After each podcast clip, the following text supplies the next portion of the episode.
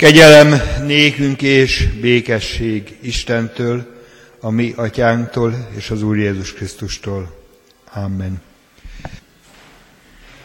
Kegyelem, irgalmasság és békesség adassék nékünk bőségesen. Amen. Jöjjetek testvéreim, csendesedjünk el, imádkozzunk.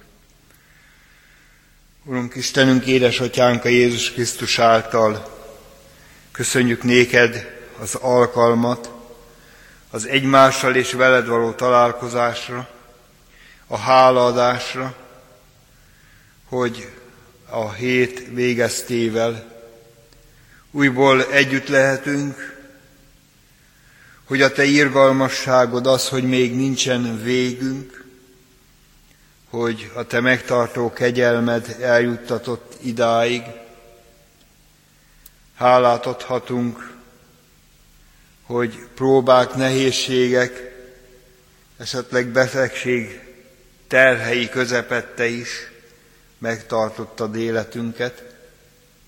És köszönjük, hogy most is meghívhatunk téged, hogy igédben is szent lelked által jöjj el közénk.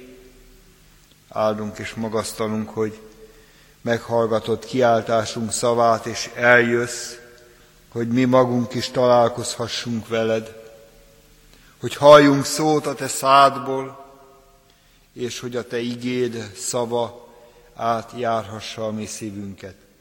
Kérünk, hogy a te lelked vezetését ne vond meg tőlünk, a te jó lelked vezéreljen bennünket az egyenes úton, hogy el ne tévedjünk, hogy a te követésedről le ne térjünk, és kérünk áld meg életünket, hogy kiábrázolódjék bennünk a Krisztus, hogy mi magunk is készek legyünk és képesek legyünk arra, hogy élő hittel bizonyságát tegyük annak, hogy él a Jézus, és lehet vele találkozni, lehet látni őt, lehet hallani az ő üzenetét, és kérünk, hogy a te üzeneted hadd jusson el most is a mi szívünkig. Szentelj meg minket a Te igazságoddal, a Te igéd igazság. Ámen. Isten igéjét a cselekedetek könyvéből olvasom, a cselekedetek könyve 8. fejezetéből, a 26. verstől a fejezet végéig, a 40. verssel bezárólag, melyet a gyülekezet keresztényekhez illő alázattal ám helyét elfoglalva hallgasson végig. Megnevezett szent helyen így szól Isten igéje. Az úrangyala pedig szólt Fülöpnek, mondván, kelj fel és menj el déli irányba arra az útra, mely Jeruzsálemből Gázába megy alá. Járatlan az. És felkelvén elment, és imi egy szerecsen férfiú, a szerecsenek királyné asszonyán, királyasszonyának hatalmas komornyikja, ki az egész kincstárának felügyelője volt, aki följött imádkozni Jeruzsálembe, és visszatérőben volt, az ő szekerén ült és olvasta Ézsaiás profétát. Mondta pedig a lélek Fülöpnek, járulj oda és csatlakozzál ahhoz a szekérhez. Fülöp azért oda futamodván hallotta, mint Ézsaiás profétát olvasta, és mondja, vajon érted-e, amit olvasol? Ő pedig mondta, mi módon érthetném, ha csak valaki meg nem magyarázza nekem, és kérte Fülöpöt, hogy fölhágván üljön mellé írásnak helye pedig, melyet olvasott, ez volt. Mint jó viteték mészárszékre, és mint bárány az ő nyírője előtt néma, azonképpen nem nyitotta fel az ő száját, az ő megaláztatásában az ő ítélete elvétetett, az ő nemzetségét pedig kicsoda sorolja el, mert elvétetik a földről az ő élete. Felelvén pedig a komornyik Fülöpnek mondta, kérlek téged, kiről mondja ezt a próféta, magáról-e, vagy más valakiről? Fülöp pedig száját megnyitván és elkezdvén ezen az íráson hirdette néki a Jézust. Mikor pedig mentek az úton, jutottak egy vízhez, és mondta a komornyik, imhol a víz, mi gátol, hogy megkeresztelkedjem.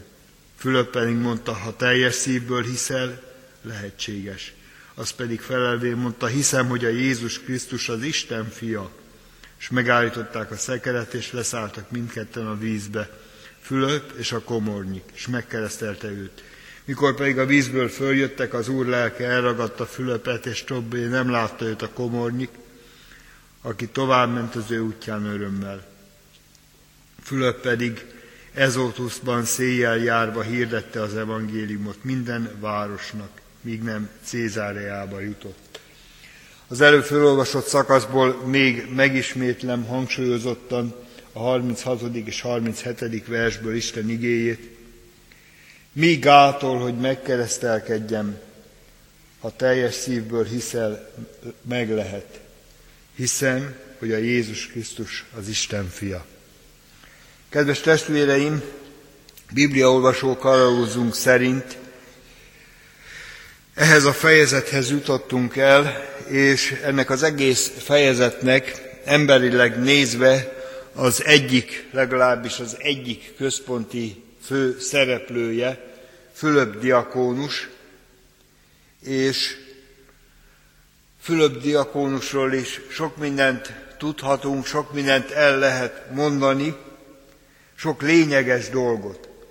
Bizonyára tudjuk azok, akik a bibliaolvasó kalazunk szerint forgatják a Szentírást, hogy amikor az apostolok úgy döntöttek, hogy ők inkább az ige szolgálata körül maradnának, és nem fecsérlik el az erejüket az asztalok közötti szol- körüli szolgálatra, akkor úgy döntöttek, hogy válasszanak ki erre a feladatra is hét diakónust, akik majd elől járnak ebben a szeretett szolgálatban, és hát a diakónusoknak a kitétel, a, krim, a kritérium az volt a kiválasztásnál, hogy ők hittel és szentlélekkel teljesek legyenek. Így olvassuk ezt a cselekedetekről írott könyv 6. fejezetének 5. versében.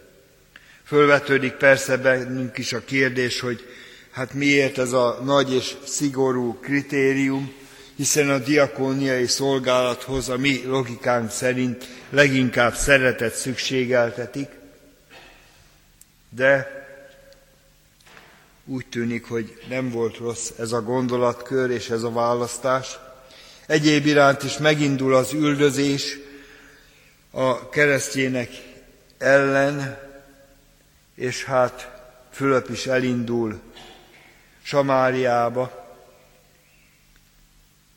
és Samáriában hirdette a Krisztust, sok jel által megerősítve, sokan örömmel fogadták el a szolgálatát, fogadták el az evangéliumot, sokan hitre jutnak, és olvashatunk arról is, hogy lementek a fő-fő apostolok is, és a Szentlélek áldásában részesedtek a Samária beliek, a Szentlélek jelenléte pecsételte meg az ő életüket, de Fülep, aki relatíve emberileg nézve szép sikereket ért el Samáriában,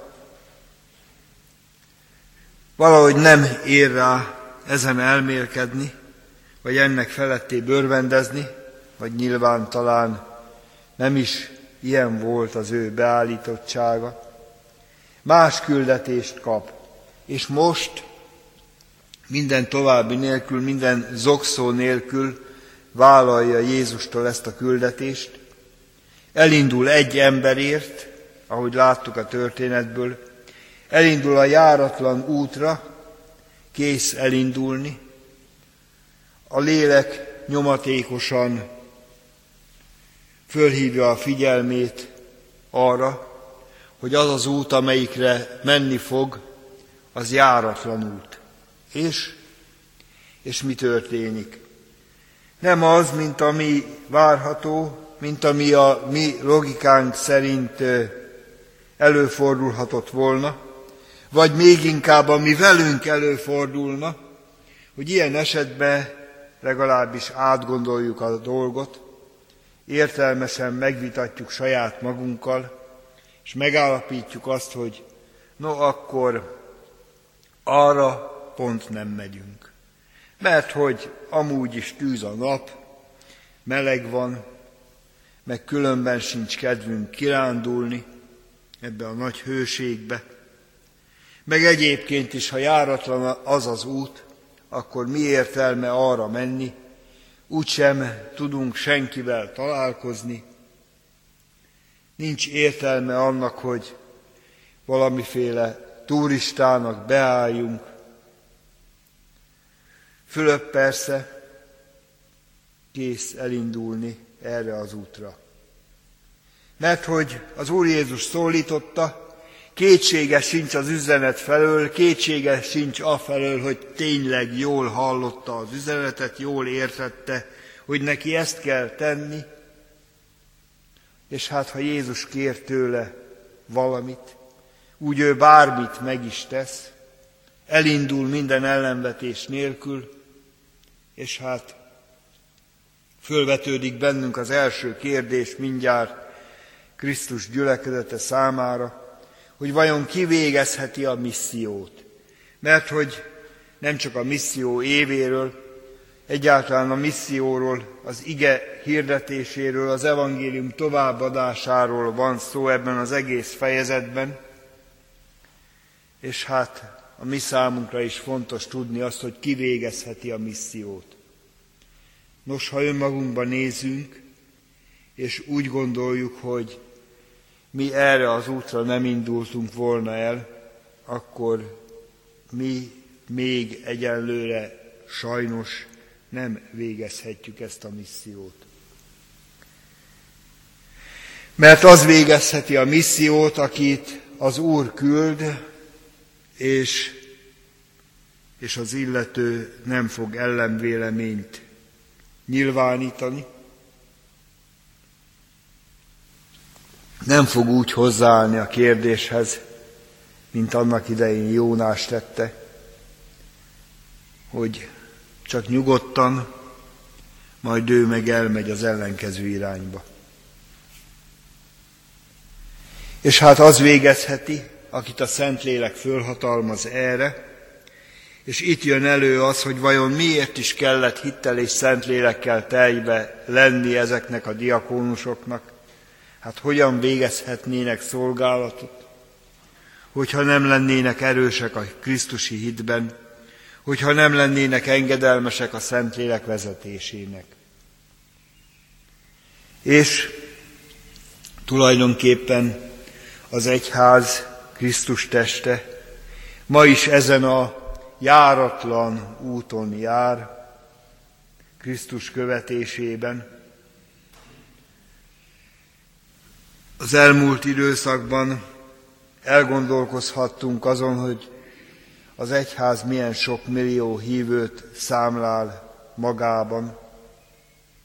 A népszámlálás során egy kicsit talán el is keseredhettünk a számok tükrében, vagy egy kicsit megvigasztalhattuk saját magunkat, hogy ó, de hát hiszen csak egy kicsit fogytunk.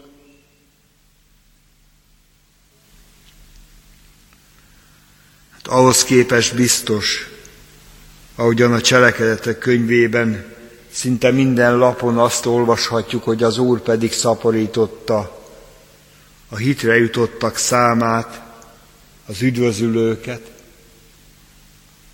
mert hogy velük együtt munkálkodott az ige és a lélek által. És hát ez ma is így van, így lehet,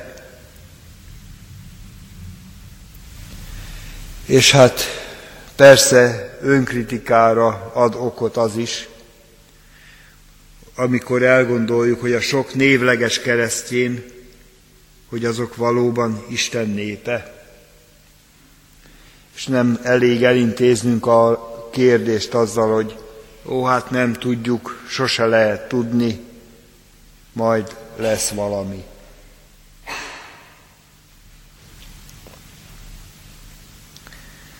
Az egyház sokszor áltatja magát, sajnos, sokszor a számok tükrében néha lelkesedésre kap, néha meg egy kicsit letör, és elkeseredik, pedig hát egyik sem igazán jó megoldás. és az sem vigasztalhat bennünket sem, hogy a választói névjegyzékünk szerint itt Kecskeméten is csökkent a gyülekezetnek a létszáma, hogy miért, miért se az megint egy olyan dolog, hogy lehet magyarázni, de hát ezzel minden esetre előrébb nem jutunk. És ettől még, amit az egyháznak végeznie kell, az még mindig a misszió. És persze nem csak a misszió évében. És látjuk, ebből a történetből látjuk azt is, hogy akit Isten szent lelke vezet, az a járatlan utat is vállalja. És hát Isten szent lelke működik, munkálkodik abban az emberben is, aki még jócskán távol van Jézustól. Azt is vonja a Szentlélek, és hadd mondjam azt, hogy lehet közöttünk is, itt is valaki úgy, hogy lélekben talán távol van, hogy nem is tudja, hogy miért jött ide, hogy elnézte az órát, későbbre gondolt.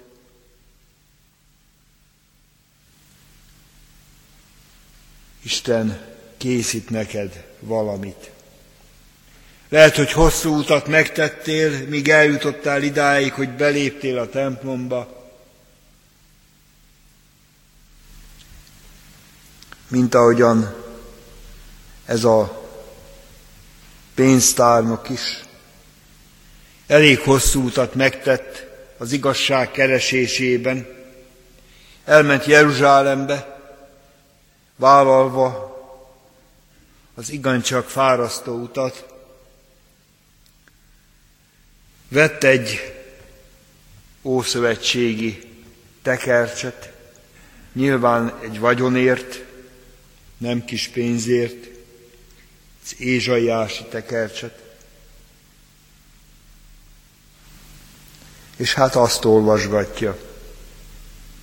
De persze nagyon sokat nem ért belőle, mert hogyan is érteni. Pont a lényeget nem érti, pont azt nem tudja, hogy ugyan ki lehet az Úr szenvedő szolgája, vajon a prófét a saját maga, vagy esetleg valaki másról szólt a próféta. Valaki másról hangzik ez a profécia. És Fülöp, Fülöp a diakónus kész ott elkezdeni, ahol ő tart. Akkor beszél a Jézusról, a szenvedőről, és ez az ember megérti, hogy tényleg hát ez a Jézus, ez miattam, helyettem, sőt érettem is szenvedett, hogy én szabad lehessek, szabad lehessek a bűneimtől, hogy ne legyek a bűneim igás lova, és tényleg őszinte bűnbánatra jut. És fölteszi a kérdést, migától. És föltehetjük a kérdést mi magunk is, a magunk életére nézve.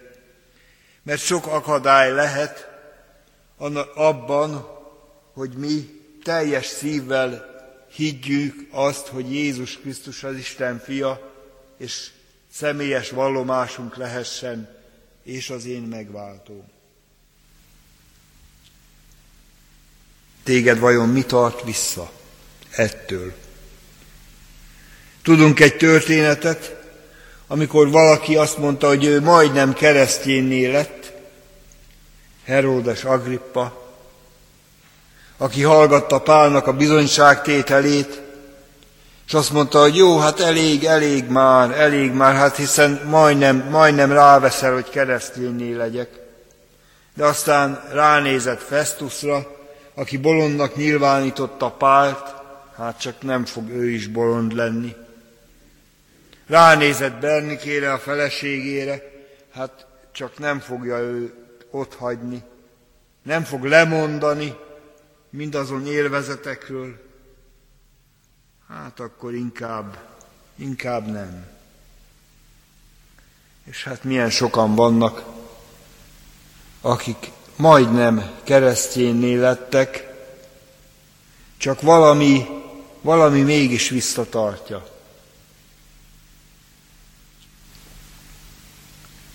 Fülöp azt mondja ennek az embernek, hogy hát ha teljes szívvel hiszel, akkor természetesen te is lehetsz a Jézus követője. És ő elmondja ezt a szép vallástételt, hogy Jézus Krisztus az Isten fia, és az én megváltóm. Olyan ez, mint valami konfirmációi vallástétel, azt mondhatnánk, hogy ó, hát ilyen rövid volt. Csak ennyi. Hát, lehet, hogy csak ennyi. Csak annyi, hogy Jézus Krisztus az Úr az én életemben, és ő határoz meg mindent. Ő az, aki vezet, ő az, aki irányít, aki tanácsol, és én, mint szolga, engedelmeskedem neki. Megfogadom a tanácsát, és elindulok a követésébe. Csak ennyi. És erre tettek föl egy életet, vagyont, mindent, mert amikor arról volt szó, hogy Jézus a Krisztus, vagy a császár az Úr, akkor azért az élet-halál kérdése volt, hogy a császár az Úr, vagy Krisztus az Úr.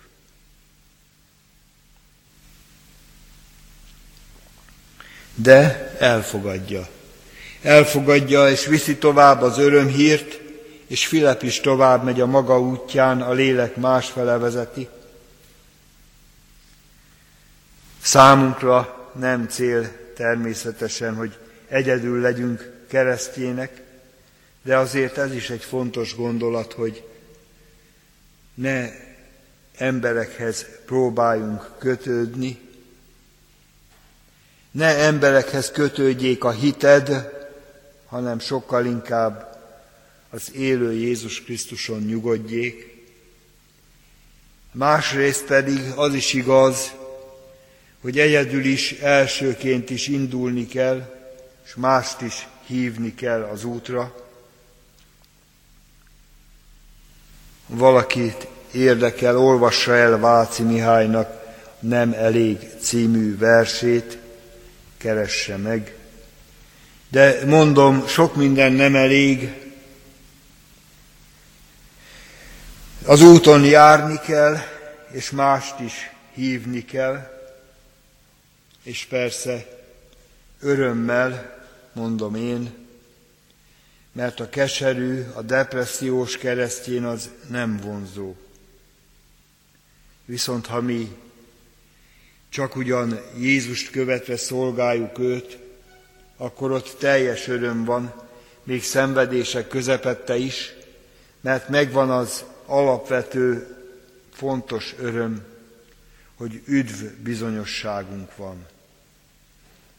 Isten áldjon meg bennünket, ő, aki nincs egyik önktől sem távol, aki hajlandó bármelyikünkhöz betérni, és hívhatjuk őt, térj be hozzám, hű szolgáthoz, hívhatjuk, hogy maradjon velünk, hogy ne hagyjunk magunkra, hogy ne legyünk egyedül, ne legyünk magányosak, és ne legyünk árvák, beteg ágyon se, és ha halára válik testünk egykoron, akkor is tudhassuk azt, hogy halálon át is ő vezet át, és hozzájuthatunk, és fenn nála béke vár, mert ő helyet készít fenn nála, és azt akarja, hogy az övéi ott legyenek, ahol ő van. Ámen. Csendesedjünk el, imádkozzunk. Urunk Jézusunk, köszönjük néked, hogy Te megszólítasz bennünket. Köszönjük, hogy hívhatunk, és közel jössz hozzánk, és köszönjük, hogy hívás nélkül is zörgetsz életünk szívünk ajtaján. Olyan sokszor nem hallottuk meg igazán, és nem vettük igazán észre, hogy sokszor betegségek, szenvedések, próbák közepette te kéreckedsz hozzánk, te jelentkezel, te szeretnél velünk beszélni. Urunk, megvalljuk, hogy olyan sokszor nem értjük a te szavadat, nem értjük a te akaratodat, és ami még rosszabb, olyan sokszor nem is vagyunk hajlandók cselekedni azt, amit megértettünk.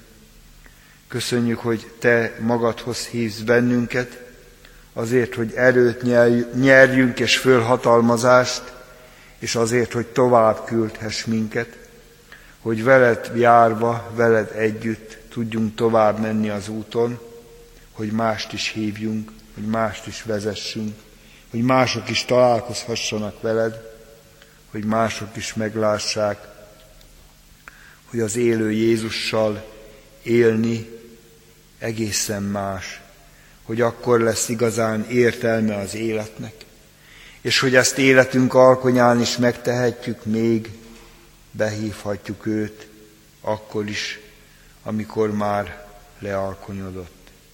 Kérhetjük, hogy maradj velünk, kérhetjük, hogy erősíts, bátoríts és vigasztalj bennünket. Kérünk, te légy mellettünk, hogyha beteg ágyon szenvedünk, és kérünk, te légy vigasztalója azoknak, akik gyászfájdalmát hordozzák szívükben. Kérünk, hogy a te hatalmat karját nyújtsd ki, hogy történjenek jelek és csodák a te szent fiadnak, a Jézusnak neve által. És mi áldunk és magasztalunk téged, hogy megtisztelsz bennünket arra, hogy képviseljük a te királyi uralmadat itt a földön, hogy téged követve szolgáljunk néked. Amen. A mi Úrunk Jézustól tanult imádságot együtt mondjuk el. Mi, Atyánk, aki a mennyekben vagy, szenteltessék meg a Te neved, jöjjön el a Te országod. Legyen meg a Te akaratod, amint a mennyben, úgy a földön is. Minden napi kenyerünket add meg nekünk ma, és bocsáss meg védkeinket, miképpen mi is megbocsátunk az ellenünk védkezőknek, és ne vigy minket kísértésbe, de szabadíts meg a gonosztól, mert tiéd az ország, a hatalom és a dicsőség mindörökké. Amen. Az adakozásra gondolva emlékezzünk a mi Urunk Jézusunk szavaira, aki azt mondta, jobb adni, mint venni. Mindezek után a mi Urunk Jézus Krisztus kegyelme Istennek, az Atyának szeretete és a Szentlélek közössége legyen és maradjon mindenkor mi velünk. Amen.